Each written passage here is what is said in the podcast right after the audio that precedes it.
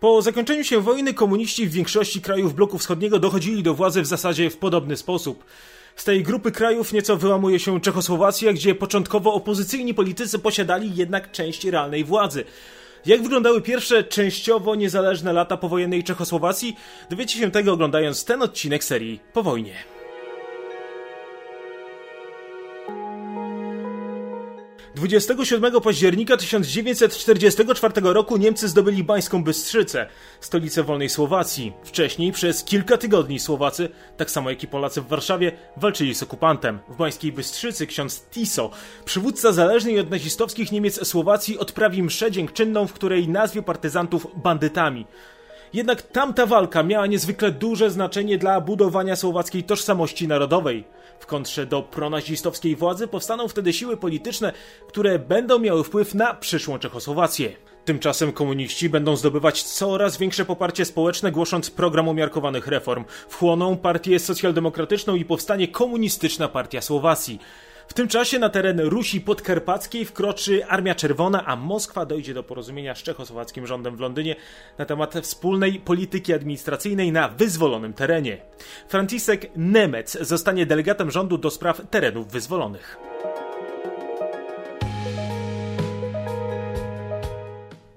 Ale była to tylko gra ZSRR na zdobycie społecznego poparcia. Władze na przyjętych terenach otrzymają lokalni komuniści. Ci, którzy się na to nie zgodzą, zostaną uznani za kolaborantów. Jednocześnie, jeszcze przed końcem roku, tereny Rusi, oczywiście na wniosek miejscowej ludności, zostaną włączone do Związku Radzieckiego. Czechosłowacki rząd na uchodźstwie nie będzie miał w tej kwestii nic do gadania. Na początku kwietnia 1945 roku do oswobodzonych Koszyc przyjedzie emigracyjny prezydent Edward Benesz. Jedną z jego pierwszych decyzji w ojczyźnie będzie powołanie rządu Frontu Narodowego Czechów i Słowaków. Jego skład będzie mieszanką różnych opcji politycznych. Premierem zostanie socjalista Zdenek Fierlinger, wicepremierem stanie się sekretarz generalny Komunistycznej Partii Czechosłowacji Klement Godwald. Za sprawy zagraniczne odpowiedzialny będzie syn pierwszego prezydenta Czechosłowacji i były ambasador Czechosłowacji w Wielkiej Brytanii Jan Masaryk. Resortem siłowym, Ministerstwem Obrony Narodowej będzie kierował przyszły wieloletni członek KC Komunistycznej Partii Czechosłowacji, wówczas bezpartyjny generał Ludwik Swoboda.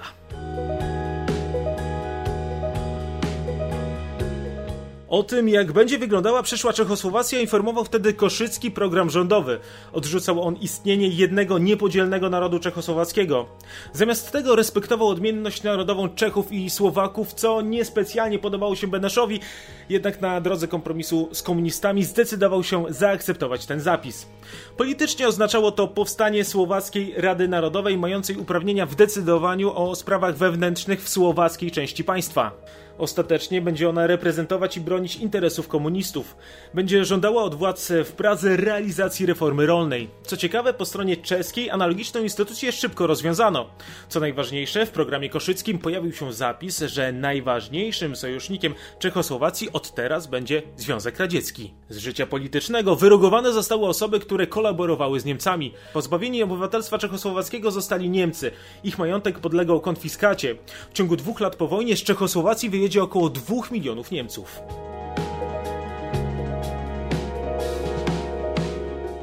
Tymczasem wraz ze zbliżającymi się wojskami Stanów Zjednoczonych oraz Związku Radzieckiego 5 maja 1945 roku Prażanie postanowili samodzielnie wyzwolić swoją stolicę.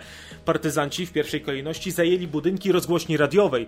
E, słusznie, bo dzięki temu byli w stanie dotrzeć do wielu osób, które, tak jak one, chciały walczyć o swoją stolicę. Na terenie miasta powstawały barykady, spontanicznie tworzyły się oddziały wojskowe. Do walczących dołączyła się praska żandarmeria i policja. Komuniści tworzyli własne jednostki bojowe. Niemcy byli kompletnie zaskoczeni, a donosiciele mordowani byli na ulicach Pragi. Dochodziło do samosądów. Bardzo szybko partyzanci zajęli teren niemal całego miasta. Tymczasem w rejonie Pragi było około 100 tysięcy niemieckich żołnierzy. Do tego należy doliczyć jednostki rosyjskiej armii wyzwoleńczej generała Własowa. On najbardziej obawiał się radzieckiej niewoli. I pewnie powstanie załamałoby się, gdyby nie strach i rezygnacja po stronie okupantów, którzy zamiast walczyć, woleli uciekać w kierunku Amerykanów, byleby tylko nie trafić w ręce Sowietów. Ci, którzy zostali, chcieli ratować skórę, dogadując się trzy dni później z partyzantami. Praga uniknęła tym samym losu Warszawy. Kilkanaście godzin później w mieście byli już Rosjanie. Czesi, a w tym Czeska Rada Narodowa witała ich jako gospodarze miasta. Do Pragi przeciął też samolot z częścią emigracyjnych ministrów.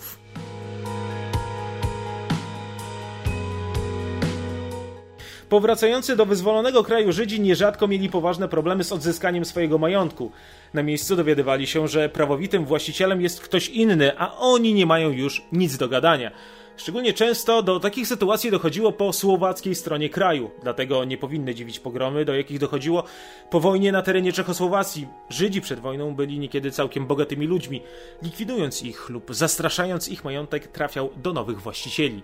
Do tragedii doszło m.in. w Wielkich e, Topolczanach. Oczywiście, jak zwykle przyczynkiem do zbrodni była fałszywa plotka. W tym przypadku żydowski lekarz miał rzekomo robić zakażone zastrzyki dzieciom. Tymczasem chodziło o szczepienia.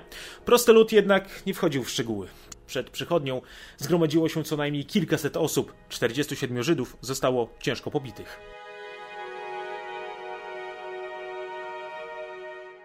W Czechosłowacji rozpoczynał się okres rozliczeń z kolaborantami. Część z nich uratuje życie, wyjeżdżając najpierw do Niemiec, a potem do Stanów Zjednoczonych. W Austrii zatrzymany został ksiądz Tiso, któremu nie pomogło nawet wstawienie się w jego sprawie Watykanu.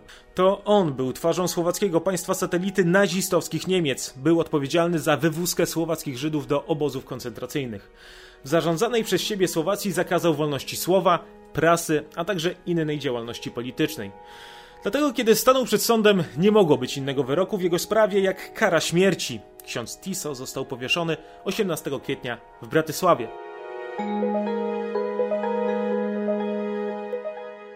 Komuniści, aby przejąć pełnię władzę w państwie, skupili się na przejęciu kluczowych ministerstw. Szefem resortu spraw wewnętrznych aż do 1953 roku był Wacław Nosek. Tym sposobem komuniści kontrolowali policję, którą wykorzystywali do walki z przeciwnikami politycznymi. W samych służbach stopniowo usuwani ze stanowisk byli funkcjonariusze niepopierający komunistów. Niektórych wysyłano na wcześniejszą emeryturę, innych przenoszono do nic nieznaczących jednostek. Równolegle Czechosłowacja skręcała na lewo również pod względem gospodarki. W październiku 1945 roku prezydent Edward Benesz podpisał dekret o nacjonalizacji przemysłu. Pod zarząd państwa trafiły kopalnie, huty i elektrownie. Znacjonalizowanych zostało wiele zakładów pracy, a także banki oraz zakłady ubezpieczeń. Jednocześnie nowe władze nie były skrajnie dogmatyczne, bo pozwoliły, aby drobny i średni przemysł pozostał w rękach prywatnych.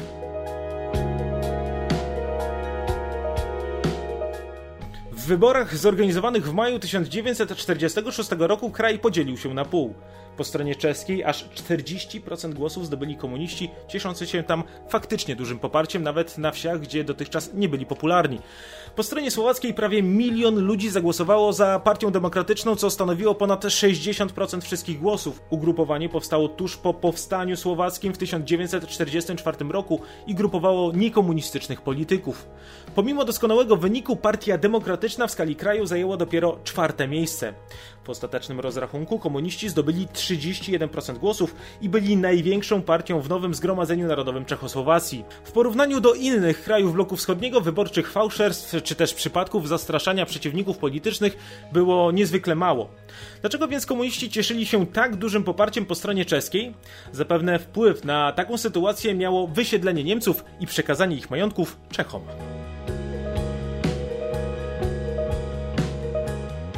Pod kątem politycznym można w zasadzie uznać, że Czechosłowacja była niezależnym krajem, w którym odbyły się faktycznie wolne wybory. Prezydentem został Benesz, który przecież nie sympatyzował z komunistami. Stanowisko premiera zajął Gottwald, co nie powinno dziwić, gdyż był szefem zwycięskiej w wyborach partii. O tym, jak może wyglądać przyszłość kraju, wskazywała sytuacja po stronie słowackiej w Słowackiej Radzie Narodowej. Tam co prawda większość stanowili demokraci, ale szefem rady został komunista Gustav Husak. Poza tym, jako że nie komuniści sprawowali w niej władzę, jej kompetencje były sukcesywnie ograniczane przez rząd centralny. Partia Demokratyczna była natomiast krytykowana w mediach i porównywana do reżimu księdza Tiso. W tym czasie w Pradze coraz odważniej poczynali sobie komuniści. W nowym gabinecie aż dziewięć ministerstw zajmowali komunistyczni politycy. Oprócz resortów siłowych przyjęli m.in. Ministerstwo Finansów. Demokraci otrzymali zaledwie cztery teki. Tymczasem, jak to bywa w różnych koalicjach i walce parlamentarnej, w poszczególnych partiach dochodziło do spięć. Rządząca koalicja już w kolejnym roku zaczęła się rozpadać. Socjaldemokraci byli wewnętrznie podzieleni co do tego, jak bardzo na lewo są w stanie skręcić, pozwalając na więcej komunistycznej partii Czechosłowacji. Rozpadała się też Czechosłowacka Partia Ludowa. I w tym przypadku osią podziału była współpraca ze stroną komunistyczną. W tych sporach przegrywali ci, którzy byli przeciwni dogadywaniu się z komunistami. Pod koniec 1946 roku zostali wykluczeni z partii. Tymczasem członkowie Komunistycznej Partii Czechosłowacji otwarcie zapowiadali, że celem ich rządu jest doprowadzenie ich kraju do socjalizmu.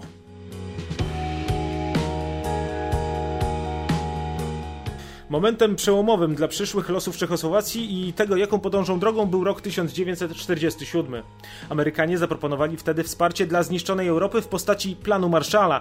Choć plan nie zakładał politycznych zobowiązań dla krajów bloku wschodniego, oznaczało to opowiedzenie się po jednej ze stron zimnej wojny. Sytuacja gospodarcza jednego z najbogatszych przedwojennych państw Europy Środkowej była, łagodnie mówiąc, nieciekawa. 4 lipca Czechosłowacja, pomimo faktu, że z udziału w planie zrezygnowało ZSRR, wyraziła zainteresowanie amerykańskim pomysłem. Czechosłowaccy politycy przyjęli zaproszenie do udziału w konferencji europejskich krajów chcących skorzystać ze wsparcia Amerykanów.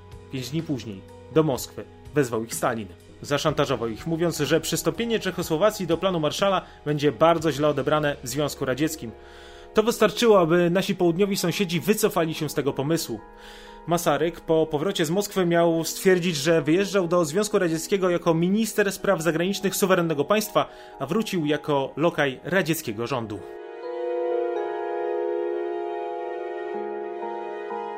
W tym samym czasie Mikołajczyk uciekł z Polski na zachód. W Bułgarii zginął opozycyjny polityk Nikola Petkow, a na Węgrzech opozycja została rozbita. W zasadzie jedynie Czechosłowacja pozostawała względnie niezależna. To zaczęło się zmieniać jesienią 1947 roku. 16 września Ministerstwo Spraw Wewnętrznych ogłosiło, że w słowackim Żylinie wykryty został antypaństwowy spisek. Zaledwie kilka dni później podobna sytuacja miała miejsce w Bratysławie. Na czele spisku mieli stać członkowie Partii Demokratycznej. To sprawiło, że władza w części słowackiej uległa zmianie. Skompromitowana medialnie Partia Demokratyczna musiała zrezygnować z części stanowisk. Jej politycy, uważani za spiskowców, zostali osądzeni i wtrąceni do więzień. Paradoksalnie w tym momencie polityczne poparcie społeczne zaczęli tracić też komuniści. Ci, obserwując sytuację międzynarodową, a w tym przede wszystkim we Francji oraz we Włoszech, gdzie komuniści zostali wykluczeni z rządów, przyspieszyli proces pełnego przejęcia władzy.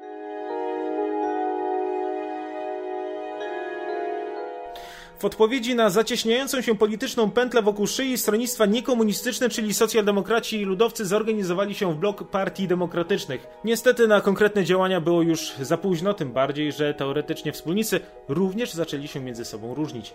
Nawet wewnątrz poszczególnych partii pojawiały się wątpliwości co do tego, jak dalej postępować z komunistami. W dodatku prezydent Benesz też nie był w stanie pociągnąć społecznego sprzeciwu. W tym momencie swojego życia był już bardzo mocno schorowany.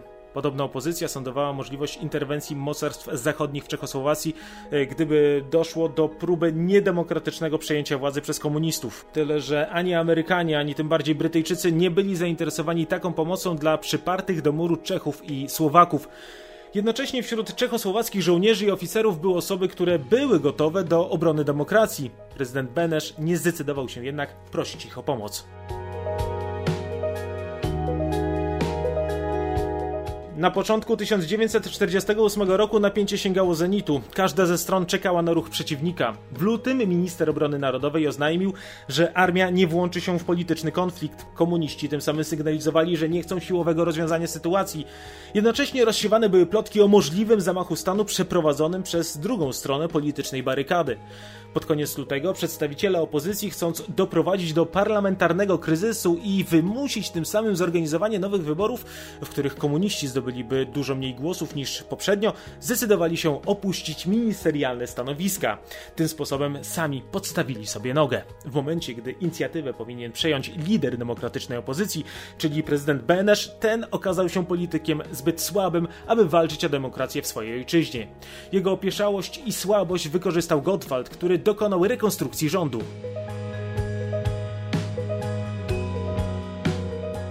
Benesz był w potrzasku, miał do wyboru albo przyjąć dymisję ministrów, albo powołać nowy rząd. Komuniści sprawnie zorganizowali manifestacje nie tylko w Pradze, ale też w mniejszych miejscowościach, podczas których ludzie popierali rządowe zmiany. Opozycja nie potrafiła zorganizować nawet w połowie tak udanych protestów. W takiej atmosferze Benesz przyjął dymisję opozycyjnych ministrów i mianował nowych szefów resortów. Kilka dni później ciało Masaryka zostało znalezione na podwórzu siedziby Ministerstwa Spraw Zagranicznych.